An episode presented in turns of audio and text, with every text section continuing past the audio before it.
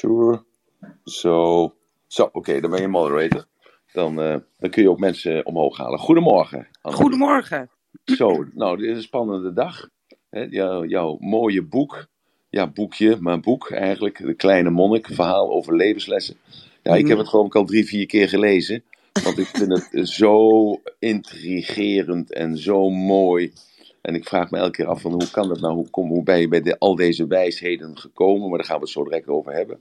Mhm. En, eh, het, het leest ook makkelijk. Het is echt gewoon zo. eh, ja, je hoort jouw stem eigenlijk. Als je het leest, dan hoor je je stem. En het, het valt me ook op dat, eh, dat hoofdstukken zijn ook steeds geschreven op auditief of visueel. Ja. Eh, oh, dat heb je bewust gedaan. Ja, ja, ja. Oh, oké, oké, oké, goed. Nou, goedemorgen iedereen. Eh, we gaan het vandaag hebben over de kleine monniklessen. Levenslessen wel, weliswaar te verstaan door Annemarie Lesage geschreven. Die heeft er ontzettend veel werk van gemaakt. Volgens mij is het, eh, ja, komt het, eh, ja, nou ja, volgens mij, het komt gewoon uit het hart, uit het hart geschreven. Daar gaan we het allemaal over hebben. Nou, deze room die wordt opgenomen. En die kun je altijd nog later beluisteren, als je dat wilt. Of aan iemand anders geven. Allemaal goed. Ehm, ja, nogmaals, iedereen hartelijk welkom. Eh, Ron, goedemorgen. Nick, goedemorgen. Ehm, ja, dan vertel eerst eens Annemarie. Vertel eerst eens, hoe ben je ertoe gekomen om dit mooie boekje te schrijven? Ehm, hoe ik ertoe gekomen ben, is dat ik werkte met een meisje die op haar elfde te horen kreeg je overlijdt aan kanker. En eh, op haar dertiende door experimentele medicatie eh, ja, bleef leven. Maar ja, hoe ga je dan leven? En ehm, zij was door drie psychologen eh, behandeld. En dat, dat had niet zo goed gewerkt. En ik had een klik met haar, dus haar moeder zegt: Wil jij met haar werken? Dat Ja. ging in zeven maanden heel goed. Dus praktisch ging dat prima. Vrij lang traject. En toen, maar ik kwam niet tot haar tranen, tot de pijn van het ziek zijn. Van wat Ja. heeft dat nou met je gedaan? En toen heb ik eh, een beetje professorisch eh, wat levenslessen verzameld en illustraties. En daar heb ik kaarten van gemaakt. En toen denk ik, weet je wat ik doe? Ik leg die kaarten gewoon op tafel en pak er dan maar één. Ja, ja, ja, maar ja, ja, je zegt, eh, pak die kaarten maar. maar leg dan even uit, want ook bij dat boek zitten ook kaarten voor, over levenslessen. Dus, Ja. dus eh, dat heb je naar aanleiding van dat meisje gedaan. Je hebt die kaarten gemaakt, professorisch, zo neem ik aan. Dat zag er niet uit. Ja, nou vergeleken met de kaarten nu, dat kan ik me voorstellen. Maar, maar goed, je hebt kaarten gemaakt, geschreven gewoon, ja. En toen? Ja. Ja, en ehm, op basis van de illustratie of de tekst koos zij er een uit. En die ging toevallig over houden van. Ja. En ehm, ik ben ook niet recht tegenover haar gaan zitten, gewoon naast haar aan een tafel. Dus niet in your face, eh, vertel mij even wat je dwars zit. Ja. En zij koos houden van. En toen was mijn vraag van, nou, is er in de periode dat jij ziek bent geweest, iemand die dat tegen jou gezegd heeft? Maakt Ja. niet uit wat er gebeurt, ik hou van jou. En toen kwamen de tranen wel. Dus toen dacht ik, jeetje, dat is best wel krachtig eigenlijk bij meteen kaart 1 dat we wel die tranen hebben. Ik denk, ik probeer gewoon iets. Ja. En dat lukte dus. Dus toen ben ik het gaan eh, professionaliseren en gaan ja, eh, testen met ehm, soortgelijke eh, jongeren. Uh-huh. met, met die kaarten? Ja, Oké.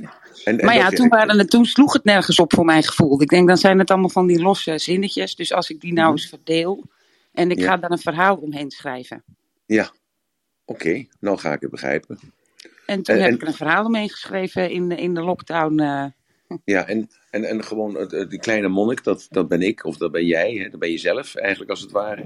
Ja. En, en zo be- begeleid je eigenlijk door middel van die parabellen of vergelijkingen of eh, metaforen. metaforen. Ja. hè, zo, eh, begeleid je hem eh, als het ware. Maar heb Ja. je dat allemaal zelf bedacht dan? Of, of heb je gewoon een, een probleem genomen die iemand tegen jou vertelde? En, en toen heb je daar gewoon een, een verhaaltje meegemaakt door middel van die kleine monnik. En hoe ben je dan op die, bij die kleine monnik terechtgekomen? Nou, ik denk, wat is nou een beetje universeel?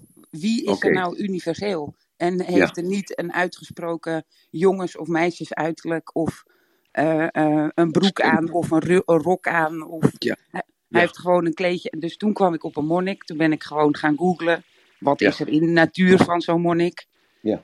Nou, rijstvelden, een rivier, een berg. ehm, de dieren heb ik erbij gezocht. Ja. En ja, dan, dan ergens als ik dan in een trein zat en ik hoorde iemand vertellen over eh, mijn buurvrouw heeft dat en ze zei tegen mij en toen kwam er een, bijvoorbeeld een levensles. En die zet ik dan in mijn notities van mijn telefoon.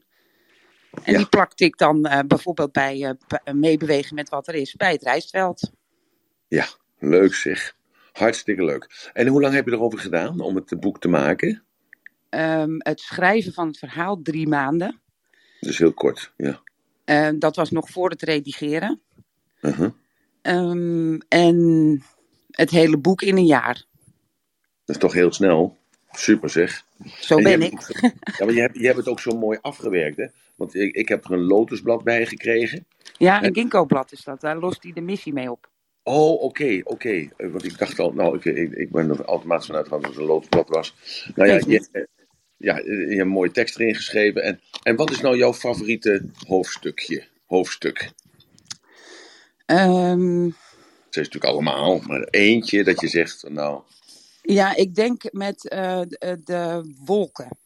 met de dat- wolken. Ja, Ja, en dan het, niet dat- hij loopt met de koffer, maar dat hij op de wolken ligt. Die Ja. donkere pagina. ja, ja. ja. Ja, er is ook één, eh even kijken, want ik, ik vond die wijze van die, van die avond zo goed. Oh ja. Eh, ja, dat restaurant. Ja, ik, ik vind ze allemaal goed eigenlijk. Ik zit even te kijken.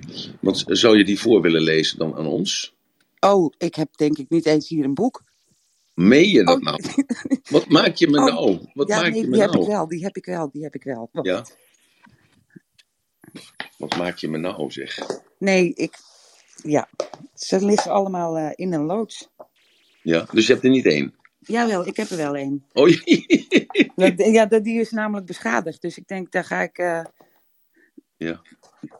daar ga ik even kijken of ik daar nog wat mee kan, maar dat, dat werkt niet. En wat wil je dat ik voorlees? Nou, lees maar de, de, jouw favorieten. Ja, ze zijn natuurlijk allemaal favoriet. Maar wat is nou, dan hebben de mensen thuis ook een beetje een idee. Van, want wij praten erover. Ik heb het gelezen, niemand heeft het gelezen. Dus we moeten nu even een, een, een stukje laten horen. Vind ik. Ja, dat mag. Nou, wel, welke is dat? Welk hoofdstuk? Ehm, dan doe ik de schreeuwende stilte van het donker. Ja, ik zal even vertellen aan, eh, aan de room. Eh, elk hoofdstuk is een pagina. En dat staat aan de linkerkant. Eh, elk hoofdstuk heeft ook een, een zeer pakkende titel, maar daar gaan we zo direct even op. En aan de rechterkant is een, een tekening. Een tekening van dan die kleine monnik. Je moet je voorstellen, een klein jongetje eigenlijk, of een klein meisje Ja. kan het ook zijn, hè, met een eh, ongeschoren of met een geschoren hoofdje. En die zit dan dus naast iets of met iets eh, waar dan dat over gaat. Dus bijvoorbeeld een koffer vol met wolken, dan zie je dus een, een mooi raam en dan zit dat monnikje, dat zit een kleine monnikje, die zit dat dan met lotushouding dan en eh, daarvoor dat raam en dan zet er een koffer bij en uit die koffer komen dan wolken. Zo, en, het, en dan heb je bijvoorbeeld een, ja, de schreeuwende stilte van het donker, dat is een hele donkere pagina, dus links is dan de tekst. En dan rechts is een donkere pagina met wat wolkjes ingetekend. En dan, dan zie je dat monnikje, die kleine monnik, zie je dan geknield. En die omhelst dan als het ware een wolkje. En Ja. jij wil de schreeuwende stilte van het donker, wil je die? Ja. Dat is jouw favoriete. Ja, jouw ja ik vind ze allemaal wel. ehm, Ja. Je kunt ze ook nog wel trouwens eh, apart lezen, één voor één. Je hoeft ze niet Ja, per se op volgorde te lezen. Nee. Nee, nee, nee, maar dat, dat, daar gaan we het zo direct even over hebben. Want eh, dat was ook natuurlijk ook even een vraag van mij: van, eh, zit er een volgorde in? Maar dat, dat heb je dus nu al gezegd dat het niet zo is. Nou, Ja, het is wel een kloppend verhaal, een opvolgend verhaal, maar je kunt het ook iedere pagina loslezen. Ja, want het is niet zo dat als hij die, zich heeft geconfronteerd met die angst, dat hij dan de volgende angst uit de weg gaat of zo. En met die bijvoorbeeld. Dus dat, eh, eh, dat, dat is, het het zijn gewoon onafhankelijke hoofdstukken van elkaar. Nou, lees jij maar eens even voor. Dan, eh, Kleine monnik loopt verder over het middelste pad. Boven hem begint de maan alweer zwakjes te schijnen. Hoewel, het lijkt wel of de maan toch al iets helderder schijnt dan op de dag dat hij vertrok. Kleine monnik begint het alleenlopen behoorlijk saai te vinden en herhaalt in zijn hoofd het gesprek met oude monnik. Hij vertrouwt op mij, ik kan dit, zegt hij hardop tegen zichzelf. Toch maakt het hem ook verdrietig. Hij weet immers niet of hij oude monnik terug zal zien. Wanneer het donker is, besluit kleine monnik een plekje te zoeken om te slapen. Aan de rand van het veld opent hij de koffer, tilt hier voorzichtig de wolken uit, legt ze op de grond en gaat erop liggen. Hij is moe van de lange wandeling en valt vrij snel in slaap. Midden in de nacht wordt kleine monnik wakker van een nare droom. Het is muisstil. Als hij zijn ogen opent, ziet hij alleen maar donker. En hoewel kleine monnik niets hoort, is het alsof de stilte en het donker tegen hem schreeuwen. Hij voelt zich alleen en dit maakt hem bang. Het gaat je niet lukken hoor, lijkt het donker te roepen. Dat is niet wat kleine monnik wil horen. Wolken, wolken, roept kleine monnik. Ik heb jullie nodig. Het is donker en stil. Het is net of het donker tegen me schreeuwt. Ik ben bang en ik weet het niet meer. Het is niet donker dat tegen je schreeuwt, kleine monnik, antwoordden de wolken. Dat zijn jouw eigen gedachten. Als je er bang van wordt, stop dan met luisteren naar deze gedachten. Probeer weer te slapen en begin met dromen. Dat levert je vast een veel fijner gevoel op. In het hier en nu kan je niks gebeuren. Wij zijn bij je en zorgen dat je veilig blijft. Je kunt met een gerust gevoel gaan slapen en als er iets is, dan roep je ons weer. Nou, toch zo mooi gezegd. En, en ik lees het, hè, dus zo. Dus ik, ik begrijp eruit, en als het fout is, mag je dat zeggen. Ja, fout bestaat natuurlijk niet, maar dat, het, dat het allemaal in jezelf zit. En dat, dat die woordjes, dus, hè, dat, dat je hoeft nooit bang te zijn, want de, de angst zit in jezelf. Je mag blij zijn, maar dat zit ook in jezelf. En dat zijn dus die wolkjes. Je, je, visualiseert dat, maar je hebt ze eigenlijk niet nodig. Dat is een beetje de boodschap. Ja, een beetje. De, het, het, ja, het is op basis van het 5G-model. Dus het, het, het, eh, wat je, er gebeurt iets, daar denk je iets over, daar voel je iets bij. Zo ga je je gedragen. Uh, ja. En, en dat heeft weer gevolgen. Ja, ik, ik vond het eerste hoofdstukje vond ik ook. Uh, mag ik dat voorlezen, Annemarie? Ja, zeker. Dat vond ik zo mooi. Ik, ik, ik, ik werd er gelijk ingezogen, eigenlijk, als het ware. Door, door dat eerste verhaaltje. Dat, het eerste verhaal is, dat begint het boek met de schittering van de maan is weg. Aan de rand van een bos staat een kleine vervallen tempel. De kleuren van de tempel, die vroeger mooi en helder waren, zijn nu nog nauwelijks te herkennen. De verf die er eens straks, strak heeft opgezeten, bladdert van het houtwerk af. De poort van de tempel staat altijd open. Niet alleen omdat de deur scheef hangt, maar ook zodat iedereen die langs de tempel loopt zich welkom voelt en naar binnen kan gaan. Het is het begin van de avond. De maan staat hoog aan de hemel en straalt een zwak schijnsel af. Net als de tempel lijkt ook de maan zijn beste tijd te hebben gehad. Sinds jaar en dag wonen oude en kleine monniken samen in de vervallen tempel. Oude monnik is ziek en brengt het meeste van zijn tijd liggend door. Kleine monnik zit graag op de grond naast het bed van de oude monnik om met hem te praten of hem gewoon even gezelschap te houden. Vanaf het bed kijkt de oude monnik liefdevol naar kleine monnik naast hem. Mijn taak hier op aarde is het flauwe licht van de maan helder te laten schijnen, zegt de oude monnik. Het schijnsel is nu zwak, hierdoor raakt de natuur in de war. Ik zou graag willen zien dat de maan weer helder schijnt, maar zelf kan ik dat niet meer. Mijn lijf is ziek en doet pijn. Mijn tijd hier op aarde raakt op. Dus Lieve kleine monnik, ik vraag jou om op weg te gaan en mijn taak te volbrengen. Laat jij voor mij de maan weer helder schijnen. Nou, ik vind het zo mooi geschreven. Ik vind het zo ontroerend. Ik vind het echt zo mooi. Ja, heel mooi. En, en wat, wat, wat deed jou nou besluiten om, om dit hoofdstukje te maken? Hè? Want dit is dus het begin. En je hebt dus wel een begin gemaakt ergens mee dus dit is het afscheid, zeg maar, als het ware, van de, dus van de vader of de moeder van de, van, de pa, van de ouders of nou, wat dan ook. En dan moet, je het, dan moet je het zelf gaan doen. Dan moet je zelf gaan doen. Zo lees ik dat althans. Ja, eigenlijk is het een soort van parentificatie. Hij, hij neemt de missie van oude monnik over. Uh-huh. Dus het is niet zijn missie, maar de missie van oude monnik.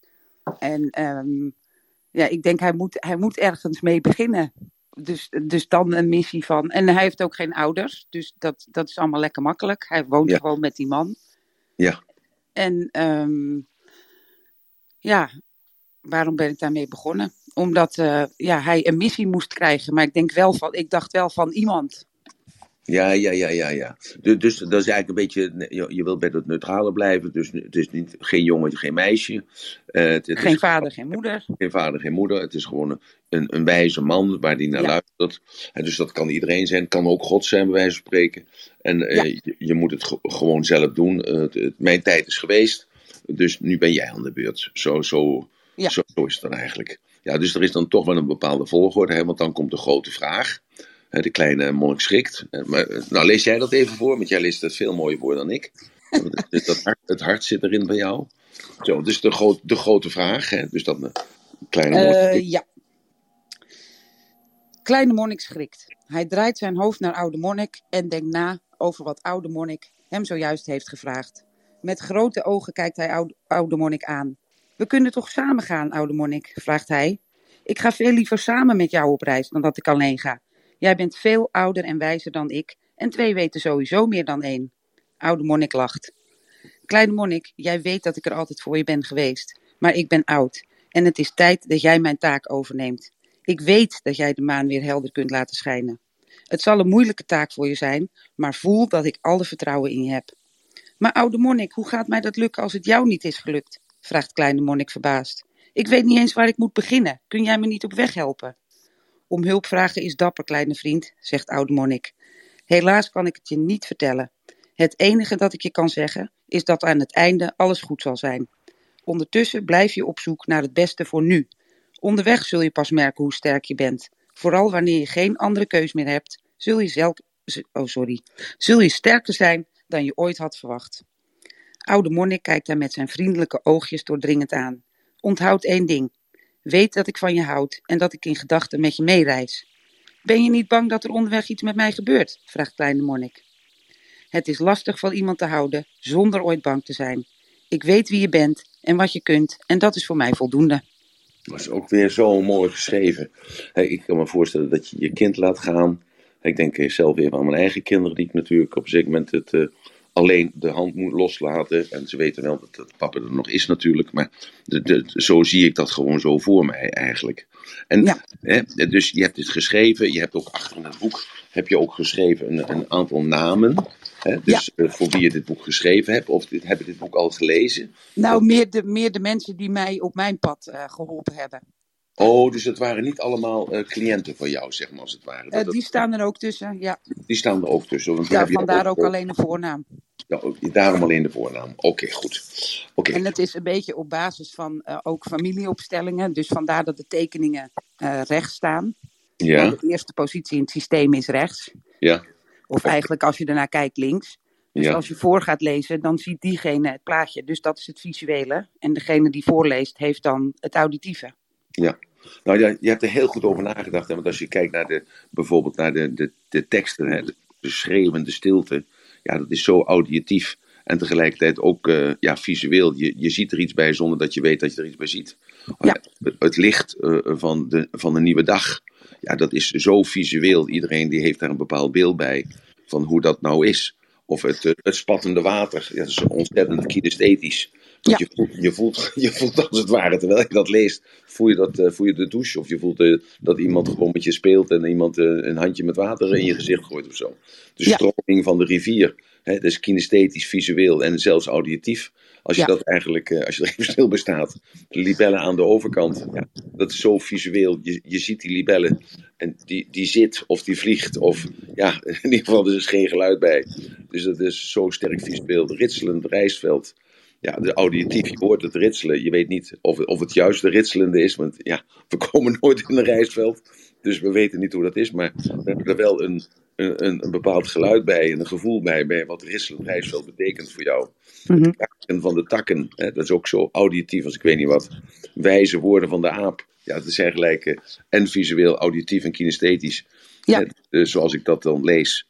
Zo dat ze de wijze woorden, ik zie die aap zitten, ik, eh, ik hoor hem iets zeggen. En ja, je, je ziet gewoon, je voelt gewoon daar een bepaalde emotie bij. En dan eh, die, eh, ja, dan die oude ginkgo-boom. Dat, eh, dan heb je daar een tekeningetje bij gemaakt. Dat is volgens mij drie, driedimensionaal. Klopt dat of niet? Of, eh, Ja, de, een vriendin van mij heeft de illustraties gemaakt. ja, Ehm, ja, en ik, heb iets, ik had iets in mijn hoofd. ja. En voor haar was het gewoon, ik ben vreselijk om mee te werken, eigenlijk, als ik eerlijk ben. Want ik, nou ja, ik weet gewoon heel goed wat ik wil. Dus het is aan de ene kant makkelijk, maar dat moet iemand maar wel kunnen maken. Ja, maar je kent al de technieken. Hè? Dus je hebt alle technieken gebruikt, alle modellen van NLP en Ja, van ja. familieopstellingen. Dat heb je er eh, bewust in be- eh, verwerkt. Ja. Zelfs met de afstanden en met de kleur en met, de, met, met de links of rechts. Hè? Ja. En, en eh, ja, goed, heel, heel goed over nagedacht. Dus dan, dan moet je toch geen probleem hebben met andere mensen, zou ik bijna zeggen. Nee, het is ook niet een probleem. Alleen het, als eh, zij tekent met heel weinig lijnen. Ja, En ehm, dan stuurde ik haar fotootjes van Google van kijk, zoiets bedoel ik. En dan had ze, en gezichten zijn heel moeilijk met een paar lijnen te tekenen.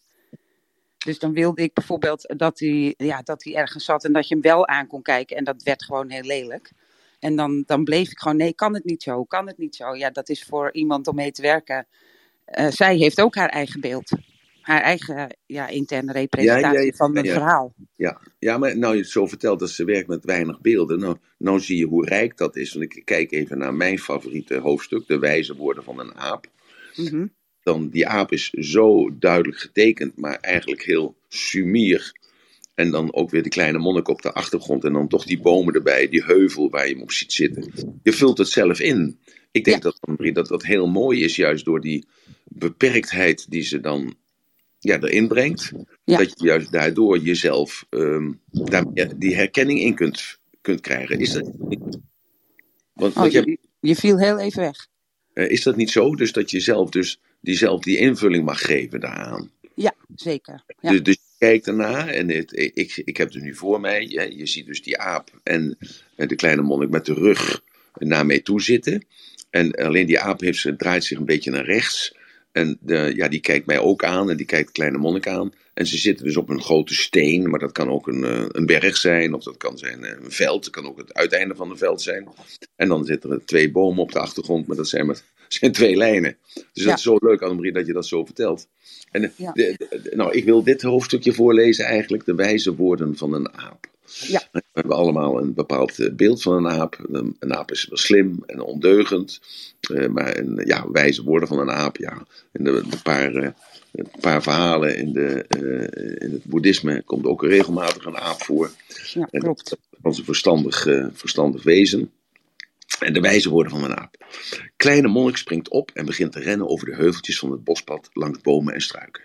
Zonder op of om te kijken rent hij alsof zijn leven ervan afhangt. Hoe verder hij het bos ingaat, hoe zachter het geluid wordt. Pas wanneer hij bijna niet meer kan horen, wordt kleine monnik rustiger. Hij klimt op een grote steen en gaat zitten. Naast hem ritselt er iets tussen de bladeren. In het groen verschijnt het vriendelijke gezicht van een kleine aap. Het aapje springt tussen de bladeren vandaan en neemt behendig plaats naast kleine monnik op de steen. Zo, zegt de aap.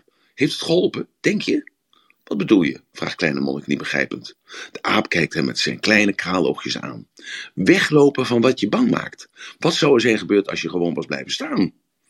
Geen idee, zegt kleine monnik. Daar zal ik nooit achter komen. Dat klopt, zegt de aap. Daar zou je alleen achter gekomen zijn als je was blijven staan. Het gaat er niet om hoe hard je rent of hoe hoog je klimt. Het gaat erom hoe veerkrachtig je bent. Zeg jij nu dat als ik was blijven staan, ik erachter zou zijn gekomen wat ik allemaal kan of durf? Precies, dat zeg ik, zegt de aap.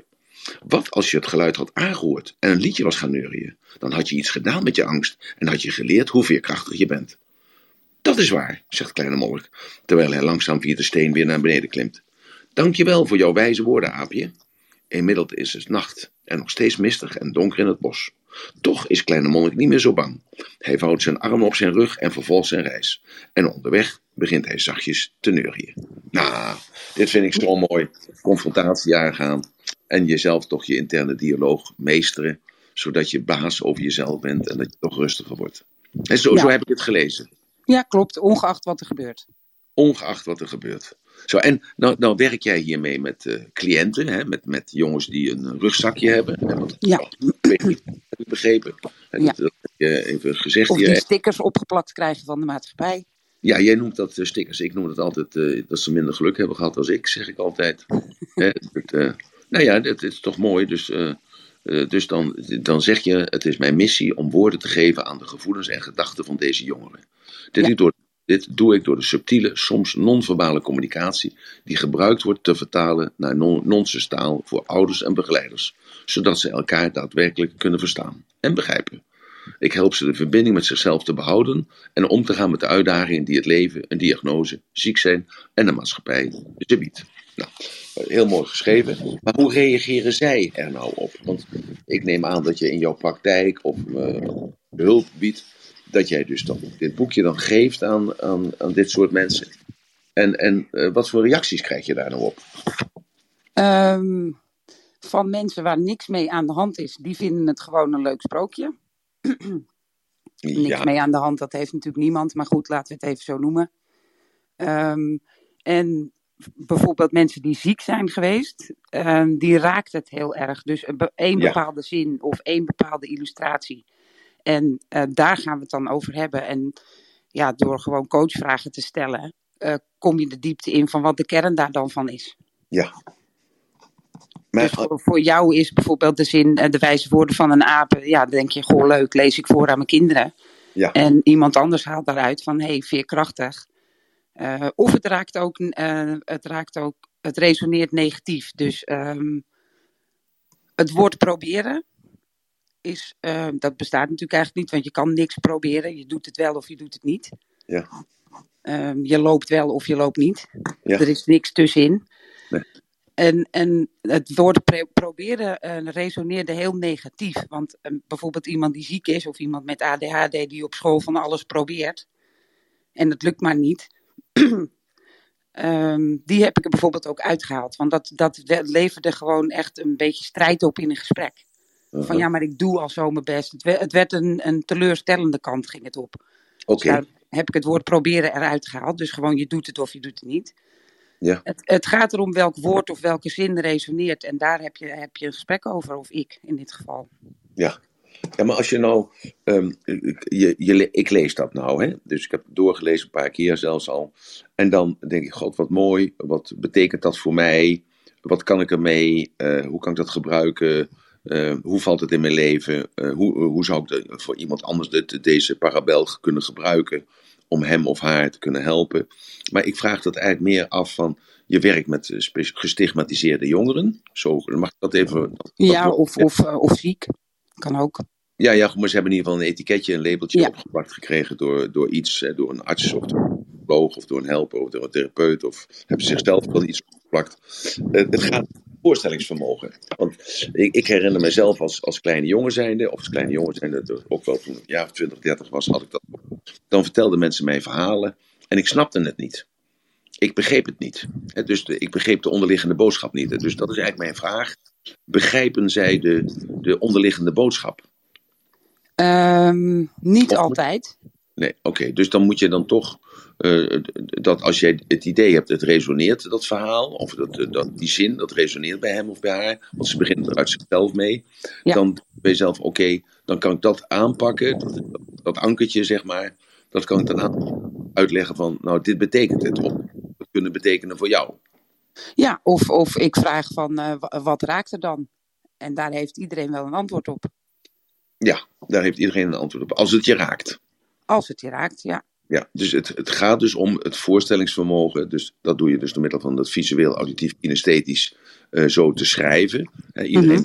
in de room. Hè. dus communicatie, als je eh, communicatievak is, visueel, auditief, kinesthetisch, dan is de, de, de kans om te slagen in je communicatie, dat wil succes hebt. Dat wil zeggen dat de andere persoon begrijpt waar je heen wil en wat je wil zeggen. Eh, daarom heb ik de laatste wat voorbeeld gegeven van een film bijvoorbeeld van, van de, de Bodyguard. Dat weet je van tevoren al dat dat een succesvolle film wordt. En van James Bond, dat is ook een succesvolle film in een bepaalde groep. Eh, zo, dus, omdat het visueel, auditief, kinesthetisch aantrekkelijk is. En Ja. zo, je hebt dat dus algemeen geschreven. Je hebt de techniek erbij gebruikt van eh, links, links de tekst, rechts eh, de, het beeld. Dat, dat maakt het makkelijker voor de interne representatie om dat te pakken. Zo, dus je hebt aan alle eisen voldaan. Het gaat nu alleen nog om de uitleg van de tekst. En, en dat is mijn, mijn vraag. Dus eh, geef dit boekje bijvoorbeeld aan een cliënt van jou.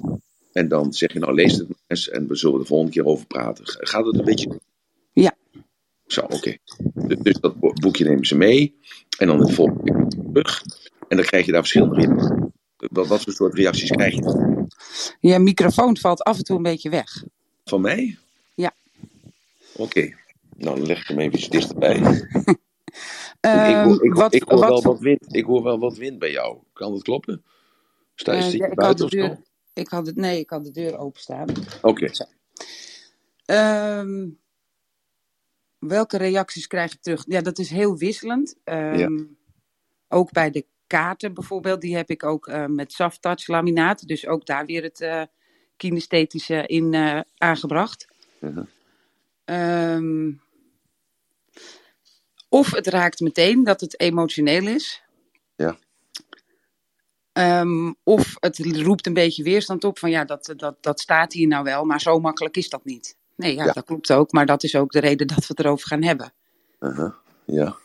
Dus het, het zijn hele wisselende, wisselende reacties. En ehm, ik werk samen met de AYA Foundation. Dat is de ja, jongeren en eh, jonge volwassenen met, eh, die kanker hebben of hebben gehad. Ja. En daar heb ik het ook bij getest. Ja. En vaak door de lockdown eh, niet bij mensen thuis. Of nou, laten we dan in een restaurant afspreken. En dat ik denk, ja, het kan een emotioneel gesprek worden. Wil je dat wel? Ja. En ja, dat gebeurt dan regelmatig dat iemand het uh, ziet. We hebben dan wel al telefonisch contact gehad en dat ze dan zien en vast hebben. En dat ze dan soms meteen beginnen te huilen omdat het, ja, dit had ik willen hebben in het ziekenhuis bijvoorbeeld. Dit, uh -huh. heb, ik, dit heb ik gemist. Uh -huh. Dus dan raakt het meteen en dan, dan uh, kan dat dat beeld zijn. Want als je bij die rivier um, zit, die op een gegeven moment geknield of met zijn hoofd tussen zijn knieën. Ja, ja, ja. ja. Uh, dat is het beeld wat vaak heel erg ja, raakt. Uh -huh. ja, Omdat okay. ze zich eenzaam hebben gevoeld, bijvoorbeeld. Ja, maar ik, ik, ik, ik, ik probeer eventjes. Te, ik, ik ga gewoon even mezelf na. Ja. ik herinner mij, ik ben uh, vroeger stout geweest. En toen kwam ik bij de rechtbank. En toen zei de rechter tegen ons, het waren allemaal jongens. Die zeiden: luister, ik kan jullie in het gesticht stoppen. Maar jullie zijn allemaal. Um, uh, allemaal wezen. Jullie hebben allemaal, jullie missen jullie vader. Jullie hebben één ding gemeenschappelijk en dat is dat jullie vader is overleden. Dus jullie groeien op zonder voorbeeld, zonder man. Man, man dan als, als zoon zijn, als het ware. Dus ik stuur jullie naar Pro Juventute. En uh, de Pro Juventute is de voorloper van de Raad van de Kinderbescherming. En dat was toen een tijd was dat een particuliere organisatie, waren vrijwilligers. En uh, nou, ik kwam dan bij zo'n man, en die man die was een jaar of 45, was dus een vaderfiguur, werd dat dan, was het dan eigenlijk gelijk al. En uh, die vertelde mij dus ook dit soort verhalen. Of hij las mij de Bijbel voor, of hij las uh, iets uit het, boek, het Boeddha-boek voor. Zo. En, maar ik begreep dat niet. Ik begreep die taal niet. Ik kon die, die metafoor niet vertalen naar mezelf. Dat, dat bedoel ik eigenlijk mee te zeggen. Van, maak je dat ook mee? Tot nu toe heb ik dat nog niet meegemaakt. Oké, okay, goed. Ik begreep dat namelijk helemaal niet. Ik weet nog dat hij uitlegde van, uh, dat alles uh, de stof is, of aarde, of vuur, of water, of lucht. En ik, ik, begreep die, uh, ik begreep dat niet, wat hij vertelde. En daar hebben we heel vaak over gesproken, dat hij me dus dat, dat klepje op moest lichten, voordat ik dus de, de parabel of de metafoor mm -hmm. kon en ik heb dat heel lang volgehouden. En ik had uh, heel veel ruzie met mijn broer. En ik noemde dat intellectuele humor. En uh, uh, ja, ja, sorry hoor dat ik dat zo zeg. Ik noemde dat intellectuele humor. Want hij deed dan met dan pesten. En dan, dan werd ik kwaad. Uiteindelijk werd ik dan kwaad. Dan dacht ik, ik zou je een, een op, op taart te geven. En hij zei, nee, het was een grapje, het was een grapje. Zo, dus met andere woorden, dat, ik heb zo weinig voorstellingsvermogen. Terwijl ik heel visueel ben, ja. kan ik ik kan niet die vertaalslag maken, althans, ik kon die vertaalslag niet maken van het verhaal van dus de kleine monnik, hè? Ja. Uh, hè, of dus van uh, lucht, waar, uh, waar, aarde en, en, en, en vocht en dergelijke. Ik kon die vertaalslag niet maken naar mezelf toe. En dat is eigenlijk een beetje wat ik, wat ik meege, meegenomen heb tot de dag van vandaag. Dat ik ook altijd wil dat ik duidelijk ben naar anderen toe. Omdat ik zo bang ben dat als ik iets vertel, dus, dus dat is een oud ingebakken iets van mezelf. Mm -hmm. Dat, dat die man, die, was, die meneer Ewijk heette die, die was zo positief met mij bezig. En ik vond het gewoon sneu voor hem dat ik het niet begreep wat hij zei. Hoor je, hoor je wat ik zeg? Ja, ja, ik begrijp wat je zegt. Ja? Oké, okay, goed. Nou, dus, dus dat is even dat ik denk bij mezelf, ik, ik lees dit dan ook en dan denk ik van ja, je zult uit een andere cultuur komen. Uh, je zult uh, niet over de dingen nadenken. Hè? Dus, uh, want dat was het natuurlijk vroeger bij mij. Ik dacht er niet over na, ik nam het aan zoals het was. En dus als het plastisch gezegd werd, dan begreep ik dat niet. Dus het moest gewoon weer teruggebracht worden tot de essentie tot een bepaald gevoel in, op een bepaald punt, met een bepaald beeld wat ik voor ogen kon houden, uh, met een bepaald gezegde wat, uh, wat ik begreep met mijn beperkte kennis. En, en dus niet in wishy-washy praten. Dat hoor je vaker. Ik weet niet of je vaker in de room bent, Annemarie. Hey, maar je hoort vaker praten. Het moet niet wishy-washy zijn. Het moet concreet zijn. Ja. Zo, dus niet, uh, en dat, dat, boek staat natuurlijk vol met metaforen, dus dat is niet ja. heel concreet. Nee, precies, exact. En maar toch, uh, uh, ja, dus ik praat meer vanuit mijn verleden. Hè, dus ja. nu denk ik op het ontroerend. Ik word hier ontroerd van. God, wat mooi en wat goed gezegd. En wat een mooi verhaal. Terwijl het niet kwetsend is. Maar, het, uh, ja, maar ik voel me er toch wel door geraakt. Positief of negatief. Zo, dus dat ik als, als jongeling van 14, 15, 16, 18 jaar. Dat gewoon niet kon pakken. Daarom is mijn. Daarom is daarom kom ik van een andere plaats. En daarom ben ik, ja. streef ik gewoon die duidelijkheid na. Daarom heb ik dat ook ontwikkeld in dat hele NLP. Met uh, van het moet resultaat geven. Dus als je bij mij komt, dan heb je gegarandeerd resultaat. Dus no Q, no pay. Dus mensen, bedrijven hoeven niet te betalen als die omzet niet omhoog gaat, uh, of als die, die, die ziekterate niet naar beneden gaat. Uh, of als uh, de, de, arbeidsrust, wat moet gemeten worden, moet concreet getal worden, dat dat uh, niet naar beneden gaat, dat het beter wordt. Zo, dus, dus, daar, dus mijn denken is nog steeds daardoor, wordt daardoor beïnvloed door mijn gebrek van vroeger als kind zijnde, dat ik dat niet kon begrijpen. En als jij meneer Ewijk um, een vraag had mogen stellen, hè? Ja. Wat, wat zou dat dan zijn? Nee, ik, ik vroeg hem altijd, ik stelde hem altijd vragen, wat bedoelt u daarmee? Zo, de, dus daarom hoor je ja. mij gewoon zonder scrupules of zonder angst vaak iets heel simpels vragen, omdat ik dat niet begrijp. Ja. He, en dat, dat, uh, nu zouden ze zeggen, nou, hij heeft dyslexie of ADHD of ja, weet ik veel wat voor een etiket ze dan. Of Gilles de hebben mensen ook wel eens gezegd, hè, omdat ik in één keer begin, begin te schreeuwen. Dus, uh, dat, zo, maar, uh, dus bij mij zitten natuurlijk heel veel dingetjes los daarboven in het hoofd. Denk ik dan bij mezelf. Oh, die stickers heb ik ook allemaal, helemaal goed. nee, maar dus daardoor, dus ik heb dus dat uit ontwikkeld van, jongens, je moet duidelijk zijn in je communicatie en elke keer checken. Dus elke keer meten en eiken. Waar, waar is die persoon? Is die nog steeds bij mij of is die weg? He, dus daardoor ook al die grappen en die gollen in een periode van 16 of 18 uur dat ik een seminar geef, om je bij de les te houden. Maar het gaat altijd om dat resultaat. En, ja. uh, en dat werd gevoed. Uh, dat kan ik ook nog bij vertellen. Dat ik uh, op een jaar of 18, 19 was. Ik had mijn bedrijven al. En toen had ik een managementprobleem. En toen, toen pas naar voren dat er managers moesten zijn. Je moest het niet zelf doen. Je moest een manager hebben die dat dan voor jou deed. En toen dacht ik, nou, dan, dan ga ik een managementcursus volgen. En dat, is eigenlijk het, beste voorbeeld daarbij. En toen ging ik een, en dat heette de Autobound School. De Autobound School was dus eigenlijk een van de eerste Amerikaanse managementopleidingen in Nederland. Dus we praten nu uh, dik 50 jaar geleden. Dat was echt heel modern. En dat was drie dagen in de Ardennen. En uh, we kwamen aan en uh, nou, allemaal even voorstellen, wie ben jij? Nou, en wat kom je doen? Nou ja, kom, wat kom je doen? Ja, wat leren. Nou, dus we waren met een mannetje of twintig. Nou, en toen gingen we het bos in. En we gingen s'nachts, sliepen we in het bos in een tentje. En we gingen abzeilen, hè, dus dat is de eerste berg opklimmen en daarna met elkaar die berg afklimmen. Uh, abzeilen, dus naar beneden toe. We gingen door grotten, gingen we kruipen, we moesten bruggen bouwen. We moesten samen met een, een boot varen, de rivier op en de rivier af. Uh, ook uh, dus die boot weer uit het water halen en dan uh, weer tillen met elkaar. En dan weer aan de andere kant van de boomstam weer in het water leggen.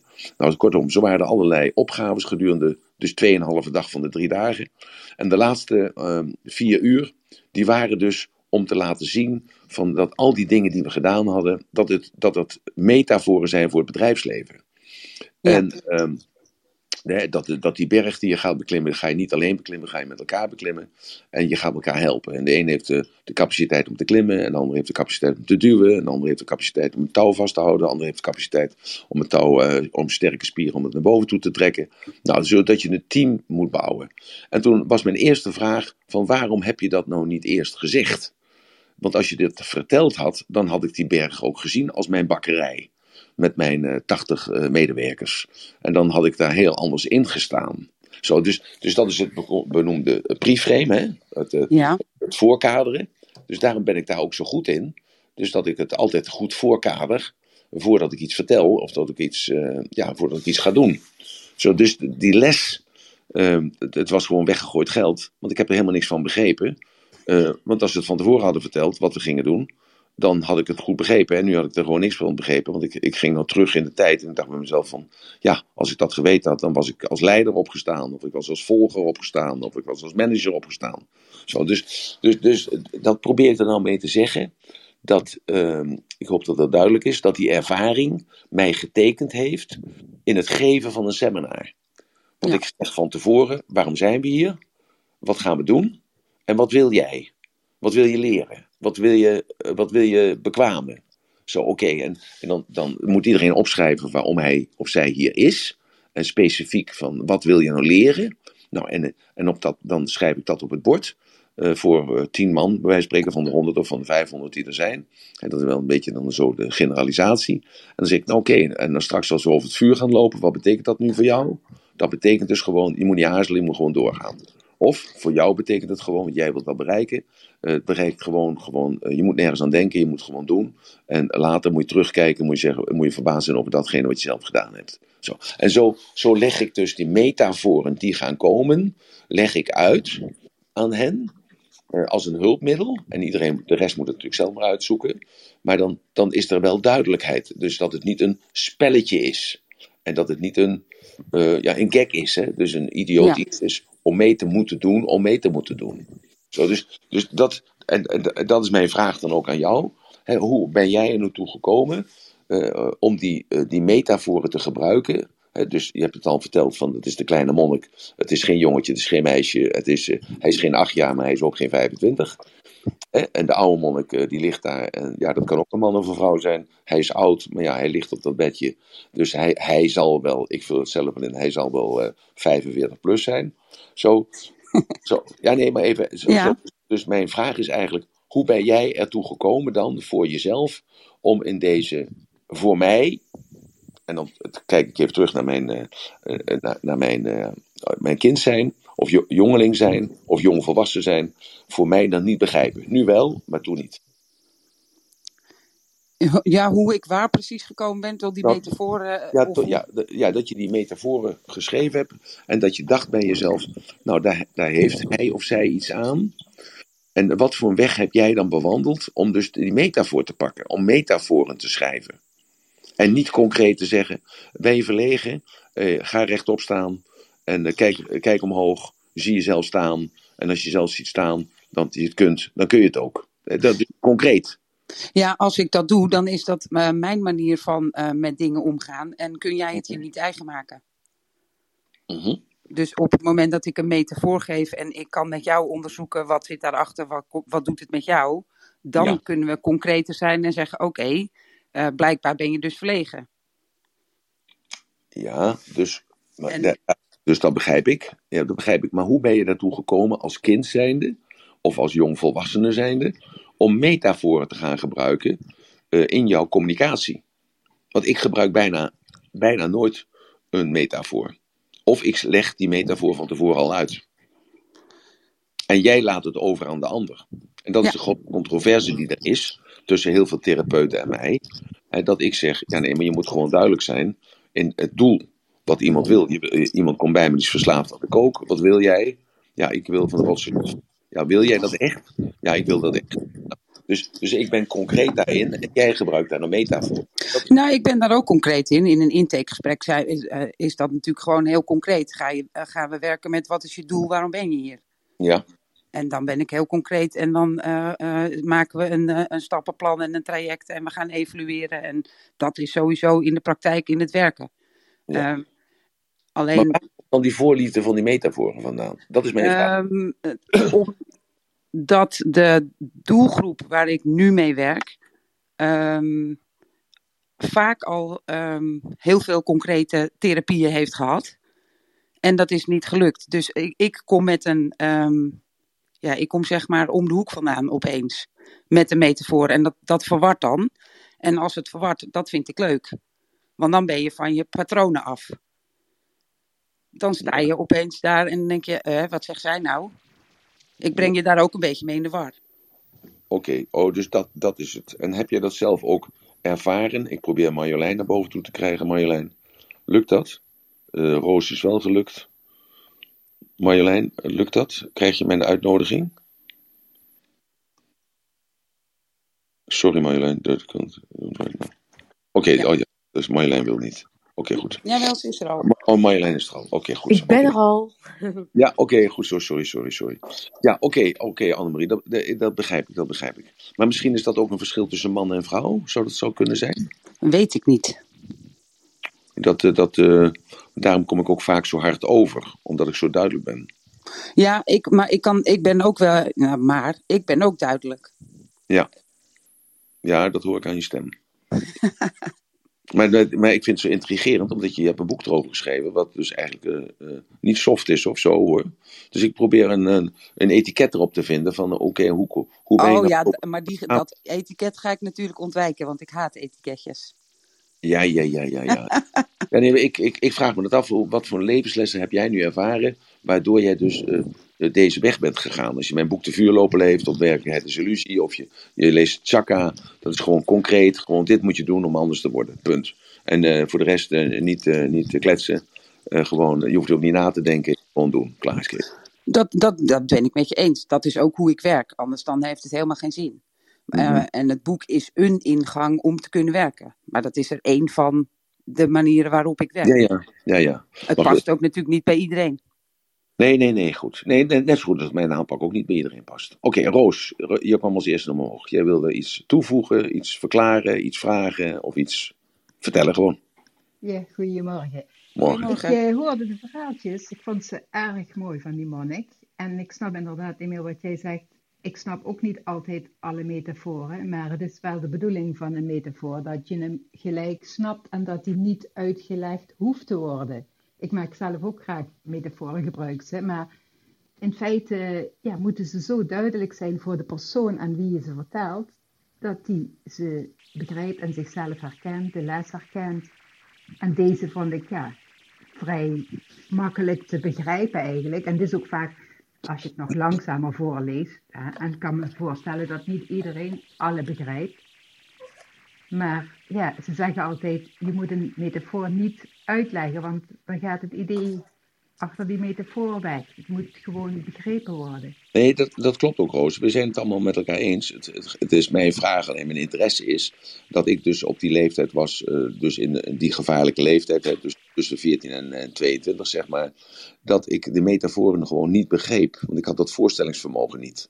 Dat kwam misschien omdat ik uh, ja, tekort aan IQ had, of het, misschien dat ik uh, geen voorstellingsvermogen had, of niet kon visualiseren, of ja, ik weet niet wat voor belemmerende overtuiging ik had op dat moment. Uh, het gaat erom dat ik dan denk bij mezelf, nou, als ik dat dan heb gehad als jongeling zijnde, zullen er wel meer jongelingen zijn die dat niet begrijpen. En dat is mijn, dat, dat is mijn vraag eigenlijk. Het is van, wat, wat voor weg moet je nou bewandelen dat je het wel begrijpt? Moet je dan eerst heel diep zijn gegaan, hè, of juist niet? Het, het, uh, dus uh, Annemarie die zei dat al. Hè, mensen die ziek zijn geweest, die, ja, die, die worden eerder geraakt als mensen die, die nog nooit iets hebben gehad. Hè? Zeg ik dat goed, Annemarie? Ja, klopt. Ja, hè? Uh, ja dat, dat klopt bij mij ook eigenlijk wel. Want het is, het is zo, de grootste tegenstanders van mijn model van aanpakken, dat worden later mijn grootste fans uh, nadat ze iets meegemaakt hebben, waardoor ze gezien hebben dat het leven niet altijd crescendo uh, één lijn omhoog gaat. Dus dat, daar zit wel een parallel in, als ik dat zo mag zien. maar het intrigeert mij gewoon als als, als jongetje nog steeds, van tussen, tussen, de, tussen, tussen de 14 en de 21, 22 jaar, waarom mij dat toen de tijd niet duidelijk was. En ik vraag eigenlijk een soort uh, antwoord op de vraag van, uh, zijn er meer, uh, en daarom vroeg ik dat ook aan Annemarie, want zij richt zich op jongeren die heel veel, die, gestickerd zijn, gelabeld zijn. dus of zij dat wel tegenkomt, dat, dat die jongens dat ook niet begrijpen. Of ben ik daar dan uniek in geweest? Dus dat is mijn, mijn twijfel eigenlijk voor mezelf.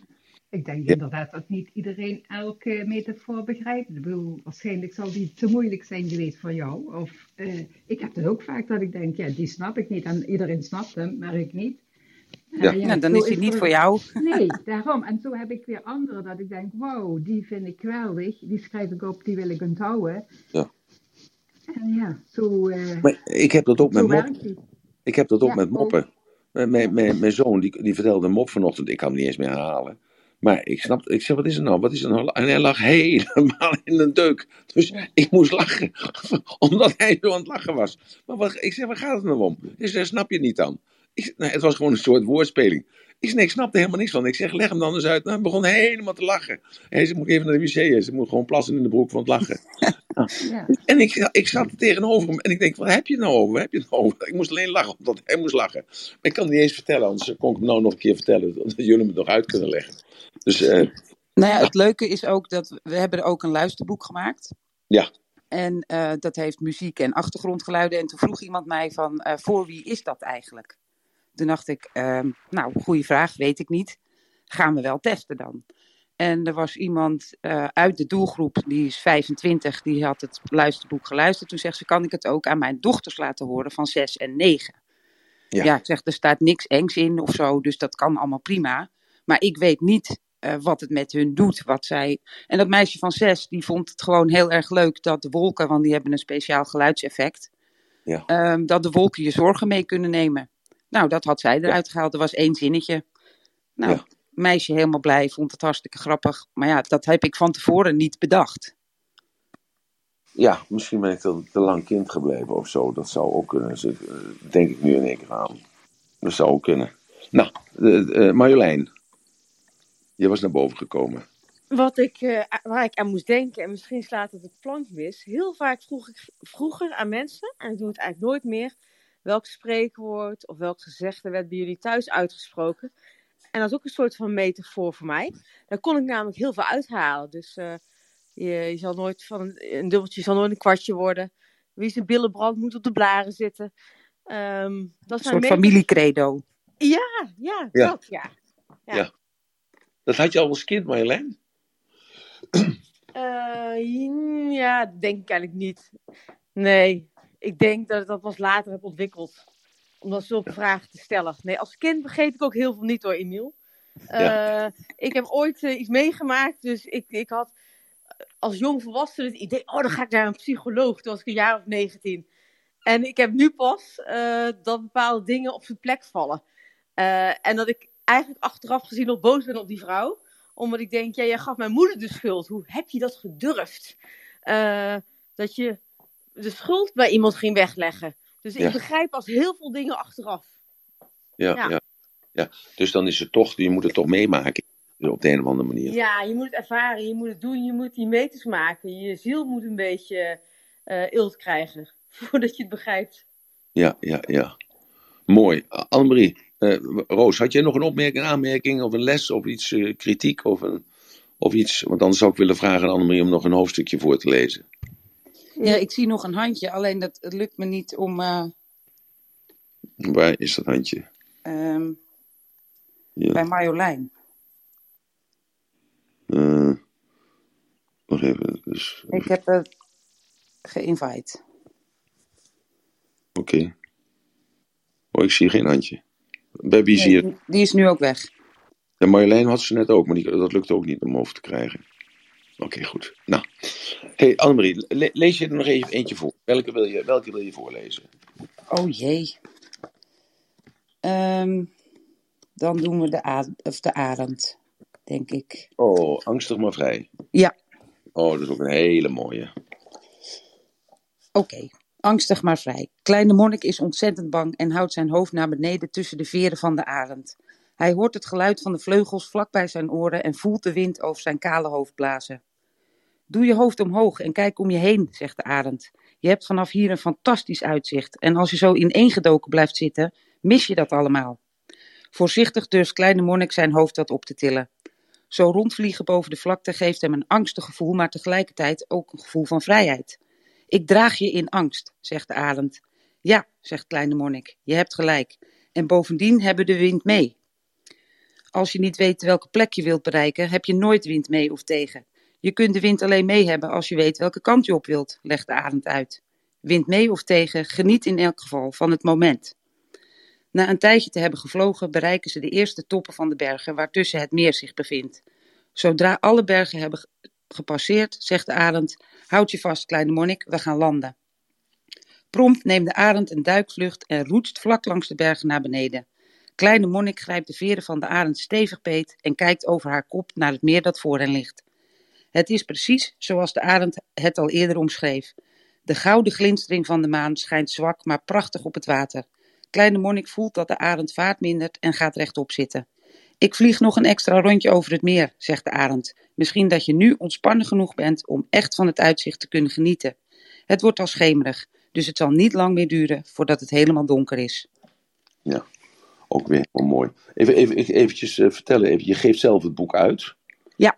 Eh, het boek is alleen bij jou te krijgen. Nee, het is eh, overal te krijgen eigenlijk. Boekhandels, bol ehm, en te bestellen op mijn website. Ja, dus dat is www.kleine- www.kleinemonnik.nl. Ja. Ja? Dus, dus op www.kleinemonnik.nl kun je bestellen. Oké, eh, ze heeft- eh, verkrijgbaar zijn ook de kaarten van levenslessen, heeft ze net uitgelegd. Dat ze dat eerst provisorisch heeft gemaakt, dat was zo'n succes. Daarna heeft ze hele mooie geclassificeerde eh, kaarten gemaakt, heel mooi. En ook een luisterboek, dus als je niet wil lezen, dan kun je het, eh, dan kun je het beluisteren. Ja. Nou, Heel mooi. Is er nog iemand die een vraag heeft of die een opmerking heeft of nog graag iets nader uitgelegd wil hebben? Ik zie een paar mensen, dus die hebben een hoedje. Dus die zijn nieuw.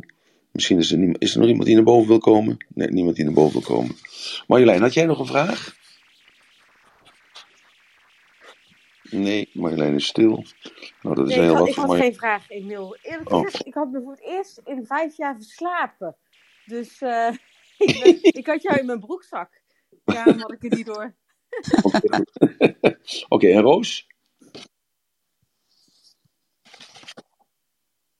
Ook geen Ik, vragen. ik, vond, eh, ik vond dat zo mooi wat eh, ze zei zo, toen die daar op de rug vloog. Soms heb je de wind mee. Dan denk ik alleen dat stukje al zo van. Soms heb je de wind mee, daar kun je dan later over praten. Ja, maar zoals alle drie al zijn natuurlijk. Het, het kan één zinnetje zijn, één woord zijn, wat je dus dan, eh, wat, wat je dan, dan treft. Hè? Ja. Nou, ik ik vond deze ook een heel een briljant idee. En ehm, daarna mag Annemarie nog wel iets, iets zeggen. Ehm, een, een briljant idee. Mag ik die nog voorlezen, Annemarie? Ja hoor, zeker. Ehm, nou, dat, dat vond ik echt heel goed. Het vertrouwen dat het oké is. Dat ik goed genoeg ben zoals ik ben. Dat ik geboren ben om mezelf te zijn en niet perfect. En dat wat ik doe er altijd iemand is die van me houdt. En nu is het moment om de missie af te maken, zegt de kleine monnik tegen zichzelf. Hij staat op, loopt naar de rand van het meer en gaat met zijn blote voeten in het koude water staan. Hij kijkt omhoog naar de maan, die naar hem glimlacht. Of lijkt dat maar zo? Kleine monnik loopt door het frisse water heen en kijkt naar de schittering van de maan die weer op het water. Wat is het laatste dat ik moet doen om het af te maken? vraagt hij zichzelf af. Aan de oever van het meer gaat hij zitten om even rustig na te denken. Opeens denkt hij aan het gouden ginkelblad dat tussen zijn kleding zit. Hij haalt het blad tevoorschijn. Terwijl hij tussen duim en wijsvinger heen en weer draait, denkt hij na over wat de boom hem heeft toegezongen en komt hij plotseling op een briljant idee. Dat is het, roept hij. Kleine monnik loopt verder het water in, tot daar waar het flauwe schijnsel van de maan glinstert op het water. Hij buigt zich voorover en legt het gouden ginkelblad voorzichtig in het schijnsel van de maan op het water. Zodra hij dit heeft gedaan, blijft hij als bevroren staan, wachtend op wat komen gaat. Dan begint het water kleine golfjes te maken en lijkt het meer zich in straaltjes terug te trekken, langzaam omhoog richting de maan. Ah, zo mooi. Zo mooi. Ja, Later. ik wil heel even nog iemand uitnodigen. Ja, Ik weet oké. niet of ze dat wil. Je wilt graag iemand uitnodigen. Ja, daar weer. Hoi, Man- Hi. Hi, Manuela. Hi, Manuela. hi. Manuelle. Manuelle. Manuelle heeft ehm, ehm, het Ja. manuscript eh, meehelpen ehm, met, met de rode pen, zeg maar. Kun je Ja, daar iets klopt. over uitleggen? Ehm, ja, ik heb dus zelf, ehm, toen ik 16 was, was eh, lymfeklierkanker gehad. En ehm, ik ben nu 30, dus dat is al eventjes geleden. En Annemarie die heeft mij gevraagd om eh, te kijken of het aansluit. Aansluit waarmee? Ehm, aansluit op jongeren die ehm, bijvoorbeeld kanker hebben. Mhm. En ehm, ja, ik heb dus gekeken ernaar van ja, zou het bij mij hebben aangesloten op het moment dat ik ziek was? Ja, ja. Oh, aangesloten. Ik, ja, ik aangesproken. Ja, oké. Ja. En, en wat heb je toen gezegd? Nou, er was één stukje waarvan ik zoiets had van, nou, dat kan een beetje anders. Want als iemand anders, zeg maar, niet meer beter wordt, dan kan, ja, dan kan het best wel anders overkomen dan dat het nu geschreven is. Dus dat hebben we toen meegenomen en een beetje veranderd nog. Ja, dat was het stukje van het proberen. Ja, precies. Ja. Ja, Dus, want Ja. dat was volgens mij van, na elke winter komt een lente of zo, stond er eerst in. Ja. Ja. En eh, toen hebben wij gezegd van ja, dat is niet voor iedereen zo. Voor sommige mensen blijft het helaas winter.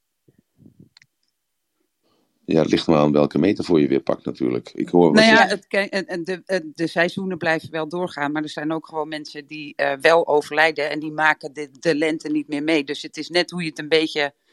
dus, Interpreteert. ja, en het werd, het werd op een gegeven moment zo twijfelachtig dat ik denk: weet je wat, daar is de rode pen, we halen het eruit. Ja, ja, ja.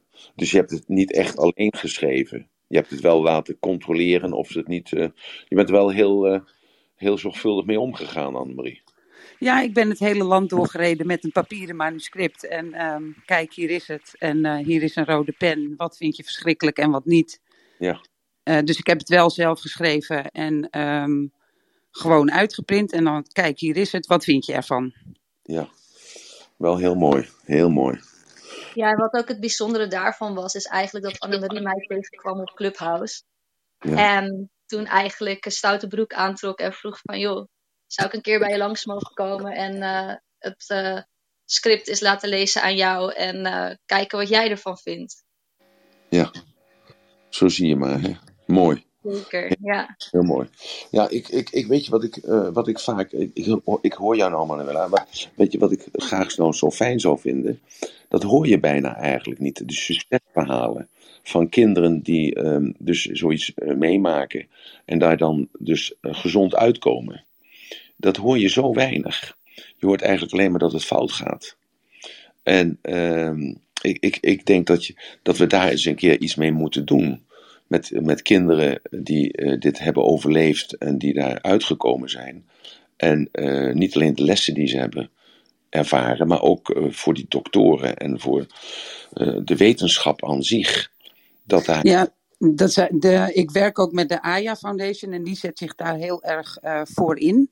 Ja, Om ehm, niet alleen de succesverhalen, maar ook wat zijn de restverschijnselen bijvoorbeeld.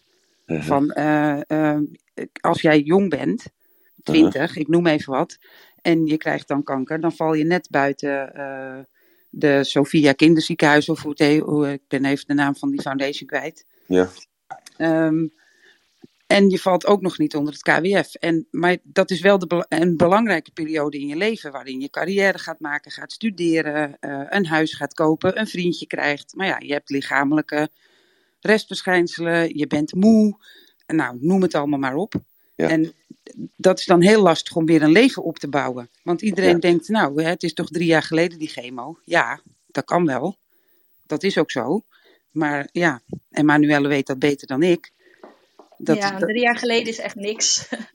In drie jaar eh, ben je echt nog lang niet eh, op je herstelpunt, om het zo maar te zeggen. Eh, dat is eigenlijk iets wat een leven lang doorgaat.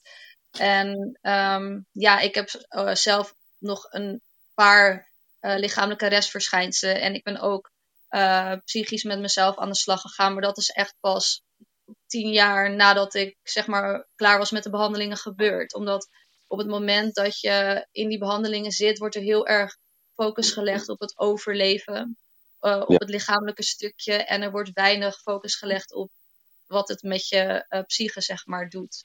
Ja. En ja, dat is wel iets waar eh, veel winst te behalen valt nog. ja, ja, ja. ja, en dan is het boek en de kaarten zijn dan een hulpmiddel om in gesprek te gaan met je omgeving of met jezelf. Of met jezelf, ja. Heel mooi. Nou, ik, ik vond het een hele mooie room, Manuela. Ma- ja, sorry dat ik Manuela zeg. Dat, eh Manuele, Manuelle is het, hè? Manuelle, ja. Manuelle, ja. Eh, eh, nou, heel mooi, dankjewel. Ehm ja, het is tien uur geweest, eh Annemarie. Ik zou willen Ja. vragen, zou jij eh, als afsluiting eh, luisteren naar je stem in je hart? En dat is natuurlijk ook wel een eh, ja, mooie afsluiting. ik En, eh, moet hier even zoeken. hè. Ik heb expres, want ik, eh, ik, ik heb dyscalculie. Ik haat cijfers. dus ik heb expres geen paginanummer erin gezet. Nee, dit is helemaal het laatste. De laatste eh, ja, ik zeg het laatste hoofdstuk. Eh, Ja, ja. Luister naar de stem in je hart. Dat is een hele mooie afsluiting. Ook van vandaag, denk ik. En ik, ik denk dat, je dat, dat we dat gewoon ook als einde moeten doen. Dus ik zal eh, eigenlijk zeggen van... dank jullie wel allemaal voor jullie energie en tijd en aandacht dat jullie hier zijn geweest. Dank je wel voor deze mooie room. Het Ja, raadt- dankjewel, Emiel. Ja, maar ja, dat is dus dat jij beëindigt dus dan de room. Dan gaan we daarmee uit. Hè? Als jij dat laatste, eh, die hele laatste mooie zin hebt eh, gezegd. Dat vind ik zo. Ja.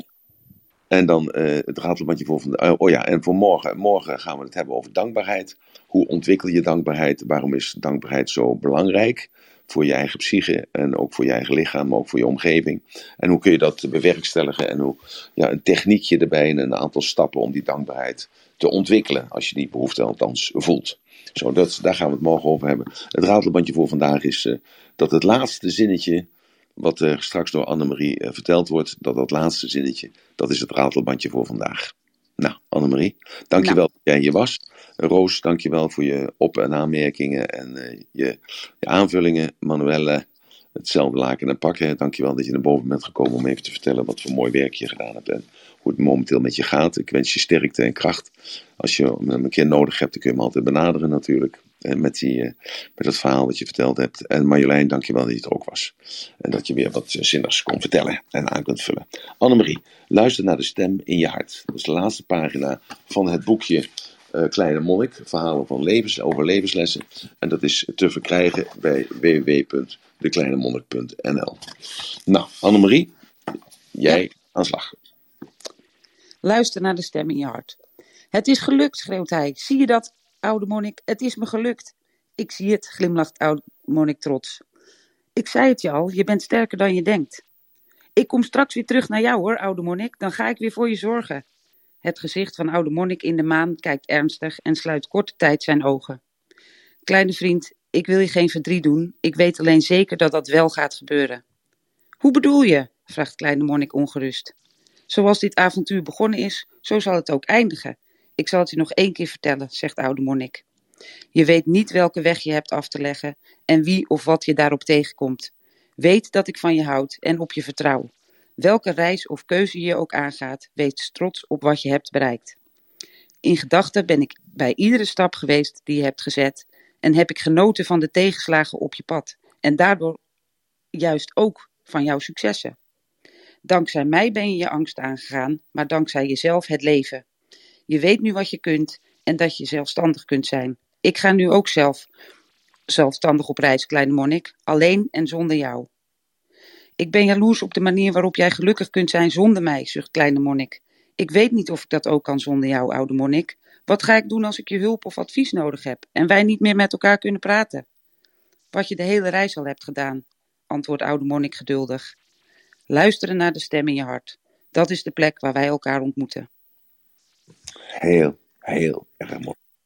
Dankjewel Annemarie en dank jullie allemaal. Dankjewel voor de uitnodiging. Niks te danken. Oké, okay, dankjewel.